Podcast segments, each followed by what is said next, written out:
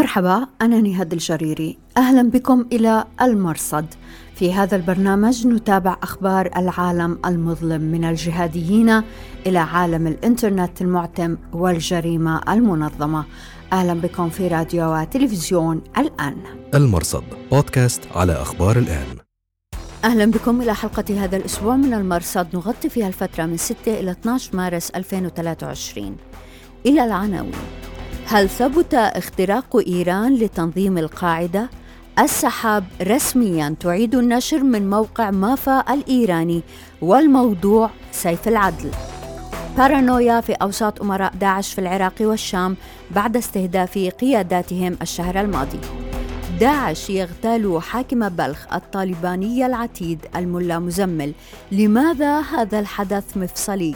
نتحدث عن أبعاد هذا الاغتيال مع الدكتور محمد سفر أستاذ مقارنة الأديان مدير مركز دراسات الأقليات المسلمة وصاحب كتاب طالبان الأفغانية والمحاكم الصومالية. للتواصل مع البرنامج يرجى الكتابة إلى نهاد جريري على تويتر وتليجرام وفيسبوك أو ترك رسالة في زاوية التعليق على رابط هذه الحلقة. وبإمكانكم الرجوع إلى نص هذه الحلقة في أخبار الآن دوت نت. المرصد بودكاست على أخبار الآن. أهلا بكم من جديد في أخبار الآن.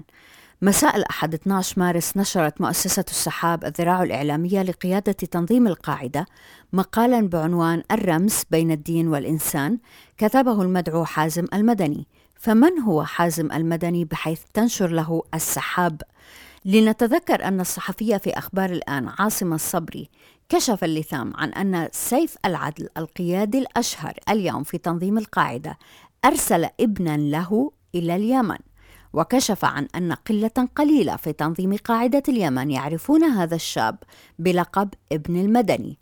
المدني هو أيضا من الأسماء التي عرف بها سيف العدل بحسب ما نشره برنامج مكافآت من أجل العدالة التابع للخارجية الأمريكية.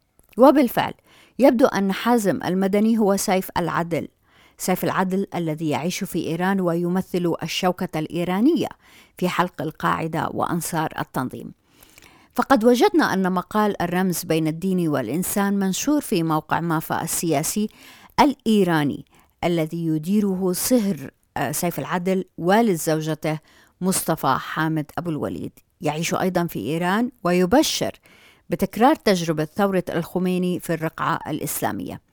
مقال مافا منشور في تاريخ 21 أكتوبر 2022 تحت اسم عابر سبيل. ونحن نعلم الآن أن عابر سبيل هو اسم مستعار اختاره أبو الوليد لصهره سيف عندما كتب أول مرة في ديسمبر 2010 سلسلة رسائل نشرها مافا وقدم لها أبو الوليد ينتقد فيها تنظيم القاعدة. تفاصيل هذه الرسائل موجودة في الجزء الثاني من سلسلة متلازمة طهران على أخبار الآن. المرصد بودكاست على أخبار الآن. أبو الوليد قدم لكاتب تلك الرسائل بأنه عضو قديم في تنظيم القاعدة ليس من مؤسسي التنظيم ولكنه يعتبر أهم من تولى مسؤوليات تنفيذية في مجالات التدريب وإدارة المعسكرات والأمن والعمل العسكري بشكل عام. قام بدور بارز في الصومال أيضا في معركة قندهار الأخيرة عام 2001 وأصبح أقدم وأهم شخصيات الصف الميداني الأول بعد قتل أبي عبيدة البنشيري وأبي حفص المصري. هذه كلها أعمال وصفات تحسب لسيف العدل. وهكذا تم الاستدلال على أن عبر سبيل هو سيف العدل. بمقارنة النسختين نسخة السحاب ونسخة مافا الإيرانية نجد مفارقات لافتة. أولاً خلت نسخة السحاب من الهوامش التي تشير إلى أعمال سابقة لعابر سبيل. ثانياً، أضيفت إلى نسخة السحاب فقرات أخيرة تبدو غريبة عن النص تقول باختصار إن الكوارث هي عقوبة ربانية أوقعها استمرار الحال على ما هو عليه أو بقاء العالم أسيرا بين يدي قادة الطغيان والجشع والأنانية. ثالثا بالرغم من هذا كله تبدو نسخة السحاب محبوكة أكثر على الأقل من حيث اللغة فثمت كلمات مفتاحية مفقودة في جملة أو اثنتين في نسخة مافا أو كتبت خطأ فمثلا في جملة والأهم نقاط الالتقاط مع المحيطات الواردة في نسخة السحاب كتبت والأهم نقاء الالتقاء مع المحيطات. رابعا وربما كان هذا هو الأهم هو إقحام القاعدة في نسخة السحاب. إذ خلت نسخة مافا من أي حديث عن تنظيم القاعدة. أما في السحاب فيتحدث الكاتب عن التغيير وكيف يجب أن يكون شموليا وكيف أن الشعب كان عبقريا عندما أطلق شعار الشعب يريد إسقاط النظام وكيف أن بعض الأنظمة تقف خلفها قوى إقليمية وعالمية ولا بد من وضعهم ضمن قائمة الأعداء في استراتيجية التغيير. هذا آخر ما جاء في الفقرة مدار البحث في نسخة مافا. أما في نسخة السحاب فقد استطرد الكاتب ليقول ومن هنا نرى عبقرية القاعدة التي غدت طليعة الأمة في العمل على إسقاط النظام العالمي. المرصد بودكاست على أخبار الآن. بغض النظر عما إذا كانت نسخة مافا الإيرانية أو السحاب هي الأصل السؤال المهم هو لماذا تنشر السحاب المتخصصة في إعلام قيادة القاعدة مقالا لسيف العدل وتعطيه اسما مستعارا بات مرتبطا بالرجل بعد كشف أخبار الآن عن وجود ابنه في اليمن تحت اسم قريب هو المدني. لماذا تنشر السحاب من موقع مافا الإيراني وخلاف الرجل مع تنظيم القاعدة ومع أسامة بن لادن تحديدا خلاف معروف. في العام 2009 كتب أبو الوليد رسالة إلى مجلس شورى القاعدة ينصح فيها أسامة بن لادن بحل تنظيم القاعدة ويقول فيها إن الأخ أسامة بن لادن مدان بمخالفة صريح أوامر الملا عمر وأقدم على فعل أدى إلى إشعال حرب ضروس ماذا يريد مسؤولو السحاب أن يقولوا؟ هل يريدون تبييض صفحة سيف العدل من الأثر الإيراني في مقدمة إعلان الرجل خلفا للظواهر ربما؟ في الأثناء من فك أنصار القاعدة ومن تبقى من قياديين ينفون الأثر الإيراني بل ويستهزئون بمن يتحدث في هذه المسألة خاصة فيما يتعلق بسلوك التنظيم في اليمن فلماذا يتوافق إعلام القاعدة الرسمي مع إعلام إيراني خالص معاد للقاعدة. ولنتذكر أنه في مطلع العام كتب أحد أشد المناصرين للقاعدة منشورا يصف فيه بالأحلام الوردية تقاريرنا تقاريرنا نحن عن أن القاعدة أصبحت تابعة لإيران ويقول من يعيش منكم ويطول عمره سيشاهد في العام 2050 في نفس هذه القنوات يعنينا نحن أن تنظيم القاعدة في طريقه للزوال وهو يشهد انشقاقات وصراعات داخلية والتنظيم بايع إيران ويوجد على موقع مافا كذا وكذا يبدو أن العام 2050 بات أقرب مما يظن هؤلاء. المرصد بودكاست على أخبار الآن. بعد قتل أبي سارة العراقي أمير الإدارة العامة للولايات في تنظيم داعش والذي يعتبر الحاكم الفعلي في التنظيم نقل الحساب المتخصص قناة فضع عباد البغدادي والهاشمي أن معلومات من داخل التنظيم تؤكد أن الوضع في ولايتي العراق والشام مضطرب للغاية من حيث الاتهام بالعمالة والخيانة والجاسوسية والاستهتار بالأمنيات. وأضاف هذا الحساب أن أمراء التنظيم وخصوصا في العراق جددوا تعليماتهم لمنع استعمال الجنود للهواتف بشكل كلي كما منع الاتصال بالأسرى أسرى التنظيم خاصة القابعين في سجون قصد شمال سوريا. المرصد بودكاست على أخبار الآن. وكما على الأرض إعلام داعش يعيش أزمة. بحسب قناة فتح عباد البغدادي والهاشمي فإن الإعلام الرديف يتحدى الرسمي. يستشهد الحساب بأن ما يسمى وكالة ناشر باكستان غير الرسمية نشرت نعيا أخيرا لأمير داعش في الهند أجاز أمين الكشميري أبي أسامة. إلا أن ديوان الإعلام المركزي لم ينشر أي خبر في هذا الاتجاه. في أخبار الآن مقالات عن كيف يضلل إعلام داعش أنصاره في سلسلة فانية وتتدهور كتبها أحمد سلطان. المرصد بودكاست على أخبار الآن. لفت هذا الأسبوع منشور كتبه أبو محمود الفلسطيني أحد تلاميذ منظر الجهادية أبي قتادة الفلسطيني. هو مؤيد لهيئة تحرير الشام في إدلب مؤيد لطالبان يقف على خصومة عنيدة مع أبي محمد المقدسي وطارق عبد الحليم. المنشور فيه شيء حقيقة مما ورد سابقا في مقال السحاب الرمز بين الدين والإنسان يتحدث عن فشل الجماعات الجهادية في تبني قضايا الأمة وفي استقطاب دعم الشعوب حتى تصير هذه الجماعات أو أحد أفرادها رمزا. فكما جاء في المقال الشعوب لا تستدعى للثورة كما تستدعى الجيوش للحرب إنها تنهض في لحظة الانفجار. أبو محمود يكتب أن كل الجماعات تزعم أنها تسعى لتوحيد الأمة لكن السلوك العملي لها وأحيانا كثيرة. التنظيري يكون بعكس هذا الزعم إذ العزلة هي الأصل وتوحيد الأمة يعني دخولها في الجماعة ولا يسمح للأمة الجهاد إلا من خلال باب هذه الجماعة. يتابع أكبر خطأ وقعت به الجماعات هي أنها فرضت الوصاية على الأمة وحجرت عليها وهكذا فشلت في أن تتماهى مع طموح الأمة وقضاياها وأن تجعل الأمة تتبنى قضاياها. المرصد بودكاست على أخبار الآن. أهلا بكم من جديد في أخبار الآن، اذا أعلن تنظيم داعش مسؤوليته عن التفجير الانتحاري الذي قتل حاكم إقليم بلخ شمال أفغانستان محمد داوود مزمل.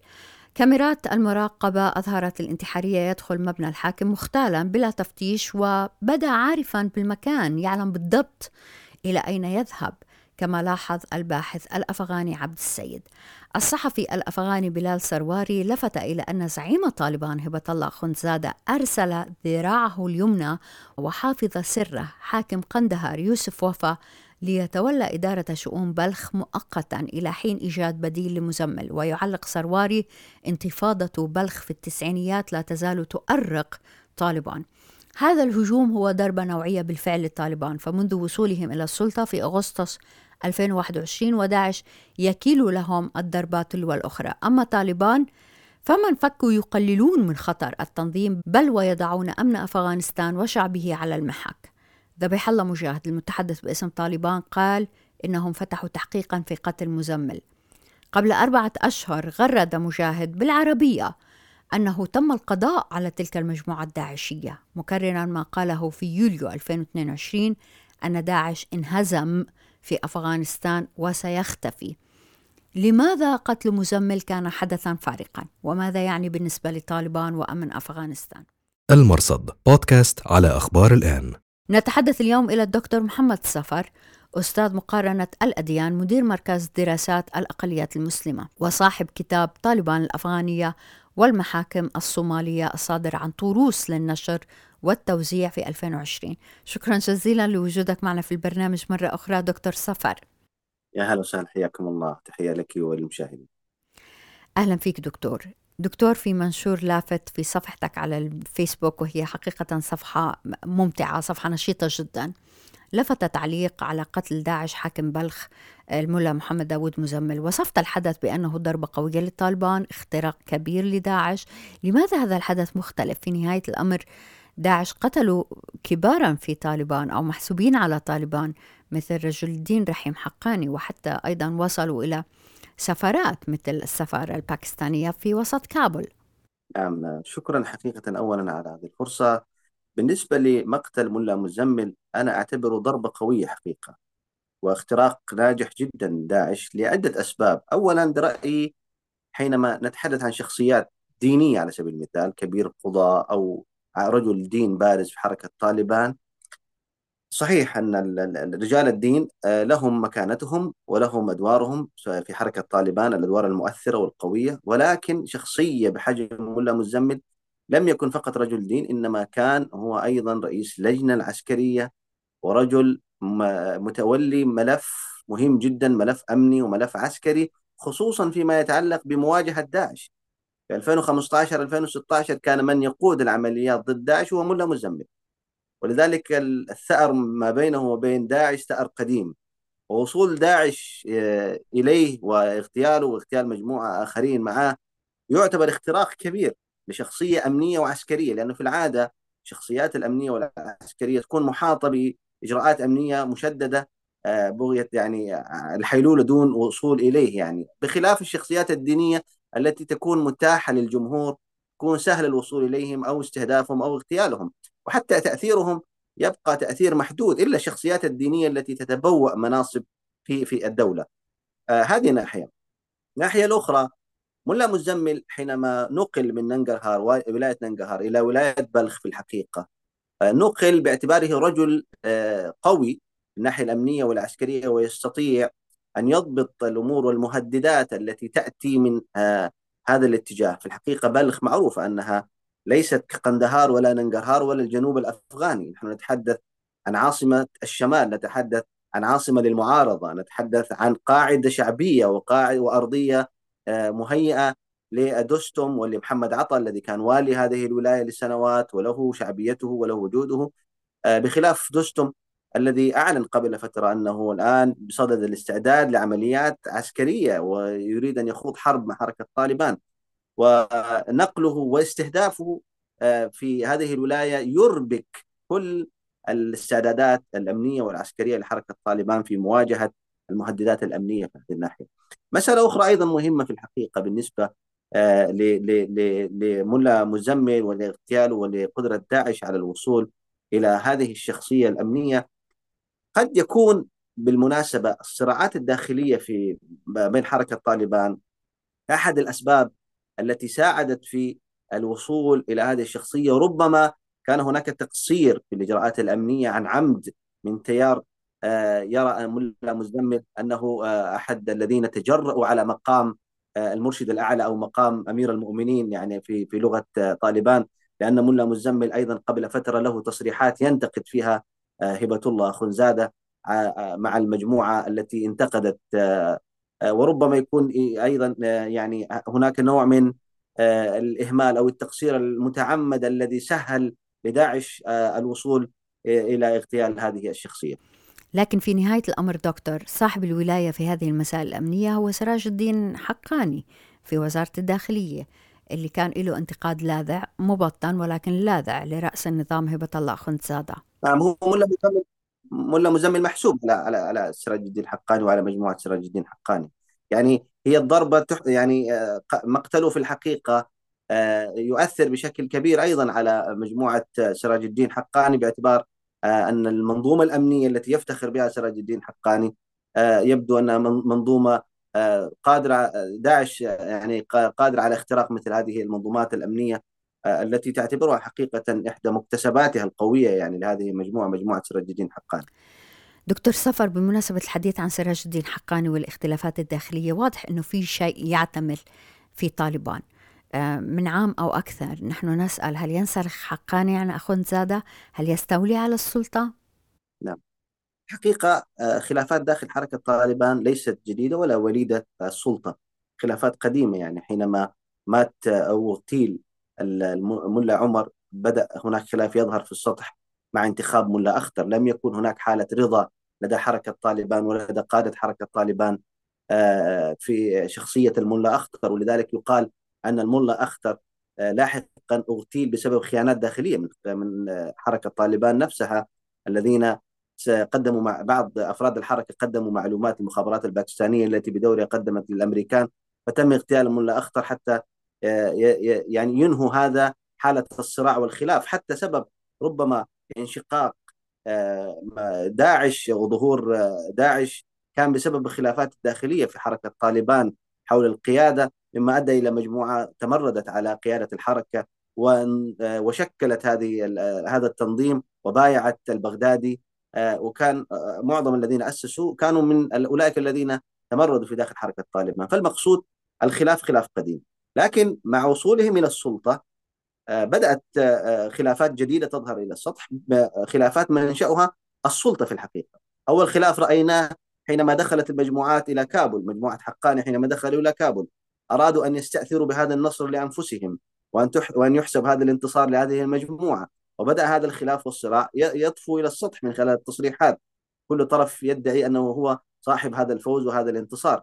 ثم الخلافات التي تشكلت فيما بعد تشكيل الحكومة التي لم تكون كل الأطراف راضية عنها ولذلك رأينا بعض التعديلات التي أجريت في الحكومة بعد تشكيلها بأيام آه، نتيجة الضغوطات التي كانت تمارس من قبل هذه المجموعات.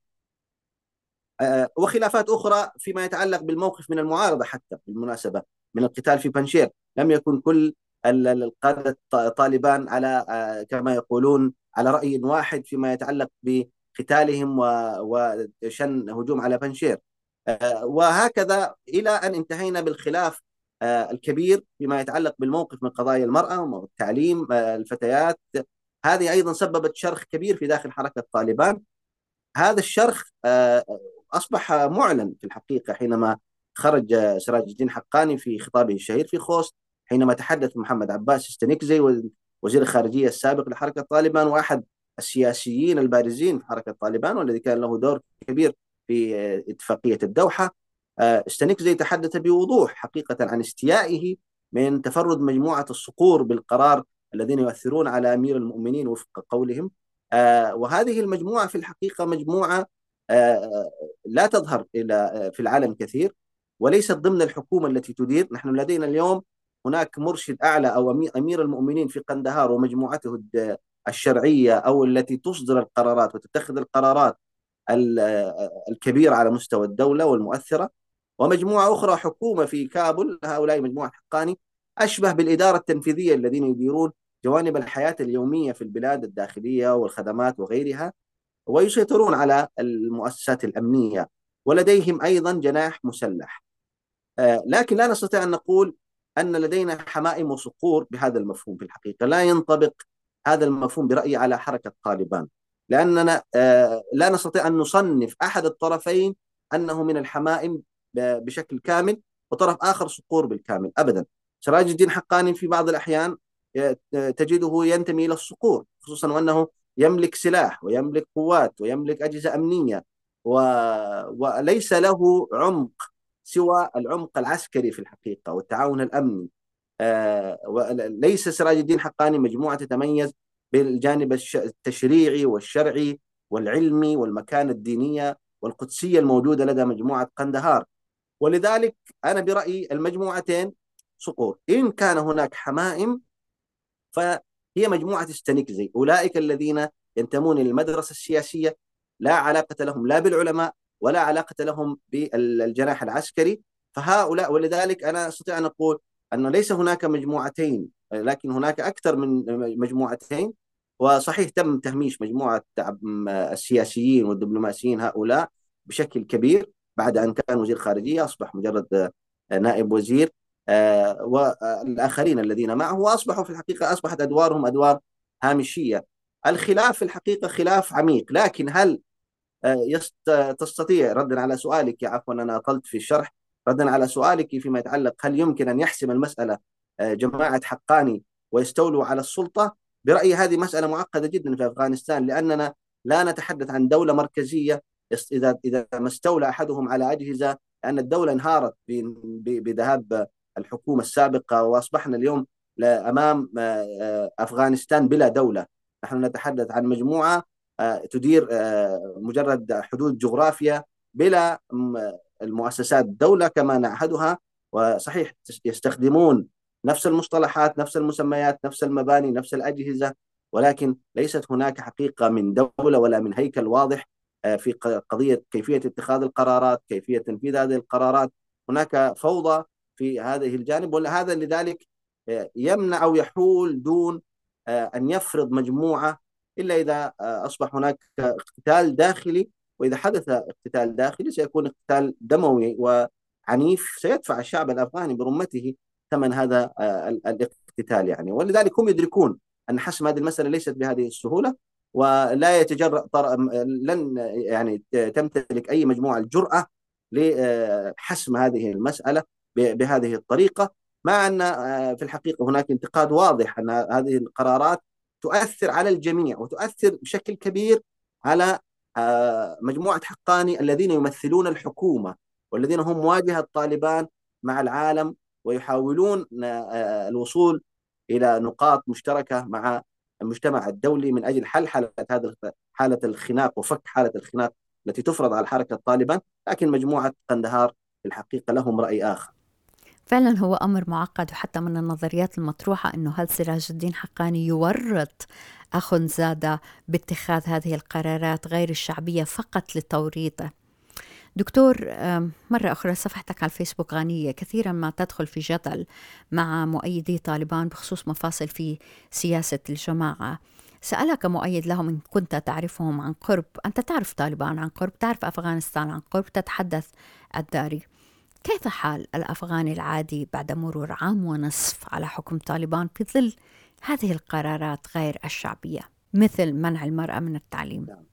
أولا حقيقة أشكرك على تسليط الضوء آه، فيما يتعلق بصفحتي مع أنها هي صفحة في الحقيقة آه، يعني آه، أحاول من خلالها أن أغير بعض القناعات وبعض المفاهيم وبعض الأفكار التي يعني قد تكون مشوشة لدى الجمهور في الحقيقة لا أقصد من خلال الصفحة إثارة الجدل بقدر ما أريد أن أن يفكر الجمهور بطريقة غير الطريقة التقليدية. التصور نحن لدينا في الحقيقة نوع من العاطفة.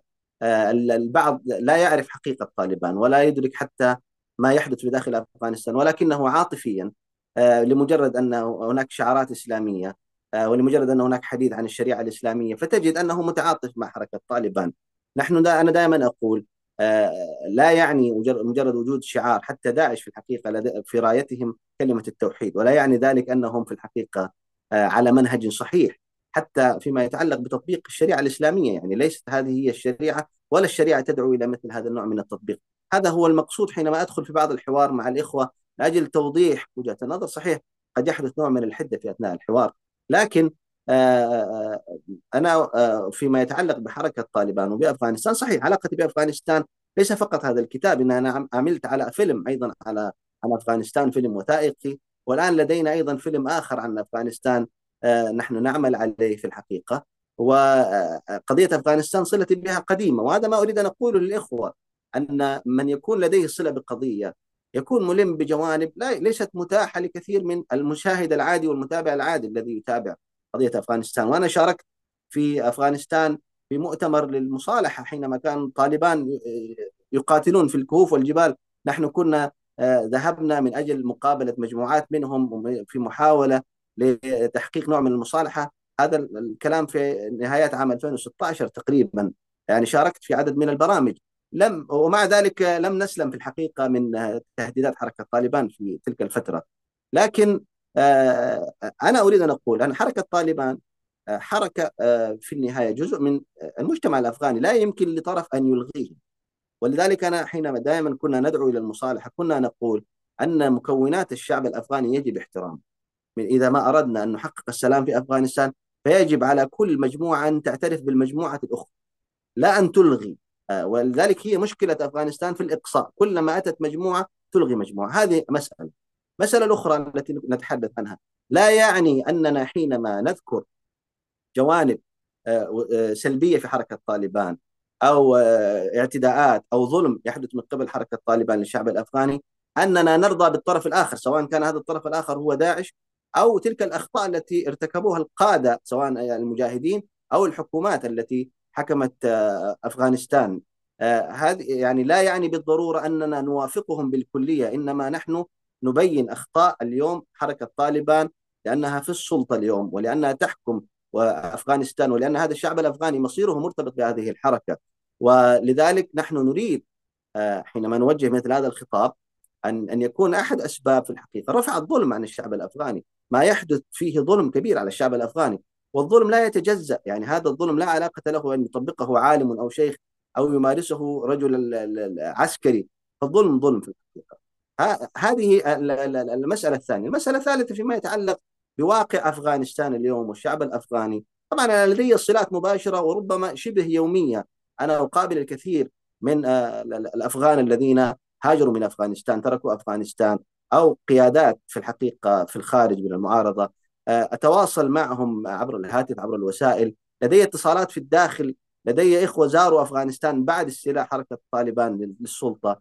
ونقلوا لي الصورة ولدي آه، مقاطع آه، يعني حقيقة أكرموني بها هؤلاء الإخوة وربما حتى أستطيع أن أجري معهم لقاءات حتى يعرفوا الإخوة حقيقة ما يدور في أفغانستان.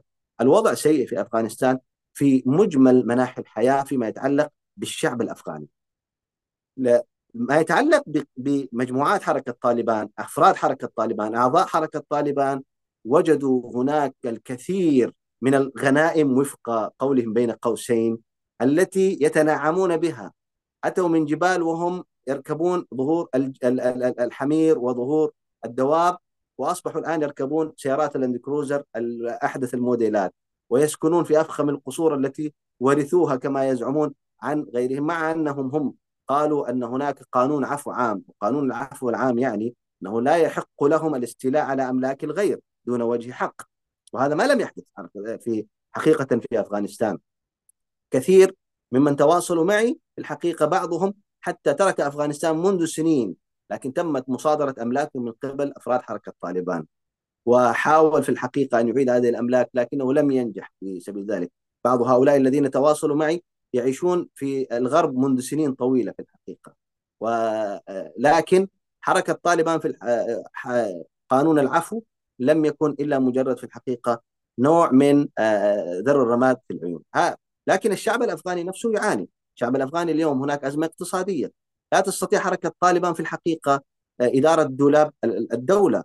فكيف تستطيع أن تقدم خدمات للناس؟ هناك إنجازات وهمية يتم التسويق لها. تنظيف بعض الشوارع ترصيف بعض الشوارع إزالة بعض المخلفات وإلى آخره معالجة بعض الظواهر السلبية التي كانت موجودة. آه، نحن لا نقول أن أفغانستان كانت الدولة المثالية قبل حركة طالبان. آه، لا شك أنها دولة فقيرة. ولكن آه، لم نشهد أن هناك جامعات افتتحت. مدارس مستشفيات خدمات على مستوى حتى الاجتماعية بالنسبة لأفراد الشعب الأفغاني. كل ما يحدث أن هناك مساعدات إنسانية تصل من العالم وحتى طالبان تستغل هذه المساعدات آه، ولا تصل إلى الناس بالطريقة التي تريد هذه المنظمات الدولية والهيئات الدولية. هذا الجانب الوحيد الذي يحدث اليوم في أفغانستان وكأن الشعب الأفغاني كله أصبح شعب فقط يعيش على هذا الفتات الذي يصل من العالم من أجل أن يبقى بالحد الأدنى من الحياة آه، حتى يكون لديه رمق الحياة التي يضمن له الاستمرار. لو كانت الظروف في أفغانستان ظروف مناسبة لما وجدنا كل هذه الموجات من الهجرة من الشباب إلى خارج أفغانستان يدفعون كل ما يملكون ويبيعون كل ما يملكون فقط من أجل الخروج من أفغانستان إلى أي دولة. آه، لو كانت الفرص في أفغانستان متاحة لهؤلاء الشباب لكانوا هم آه، آه، أعضاء فاعلين فيها خصوصا وأن على مدار 20 سنة الماضية كان هناك نشاط تعليمي كبير. لدينا آلاف الخريجين في مختلف التخصصات من الفئتين من الذكور ومن الإناث في الحقيقة ومميزين جدا. وهؤلاء نحن نرى تميزهم في حضورهم في المحافل الدولية وفي تواجدهم الآن بعد الموجات الهجرة. كثير من المؤسسات الدولية آه، في خارج آه، أفغانستان حينما التحقوا بالأعمال آه، نجد تميز هؤلاء الشباب. يعني الشعب الأفغاني حينما وجد أن التعليم أحد أهم أدوات خروجه من هذه الأزمة حقيقة اجتهدوا في التعليم. مسألة أخيرة فقط وهي أنه لا يمكن على مر التاريخ تاريخ منذ تشكل دولة أفغانستان منذ 200 سنة أو أكثر من 200 سنة أفغانستان دولة محاصرة من كل الأطراف دولة تعتمد على التجارة التي تأتيها وتعبر من خلالها بمعنى أنها لا تملك مواردها الذاتية من أجل أن توفر الرفاهية لشعبها وإنما تعتمد على علاقاتها. ولذلك إذا ما فشلت حركة طالبان في الوصول وتحقيق متطلبات المجتمع الدولي ومتطلبات الشعب الأفغاني أيضا تلك المجموعات الأخرى التي لا تتفق مع حركة طالبان فإن ذلك يعني أن أفغانستان لا يمكن أن تنهض بل تزداد سوءا وتدهورا. الدكتور محمد سفر شكرا جزيلا لك. شكرا لك والله يبارك فيك وتحية لك وللقناة والمشاهدين. وشكرا جزيلا لوجودكم معنا في أخبار الآن. أنا نهاد الشريري مع السلامة. المرصد بودكاست على أخبار الآن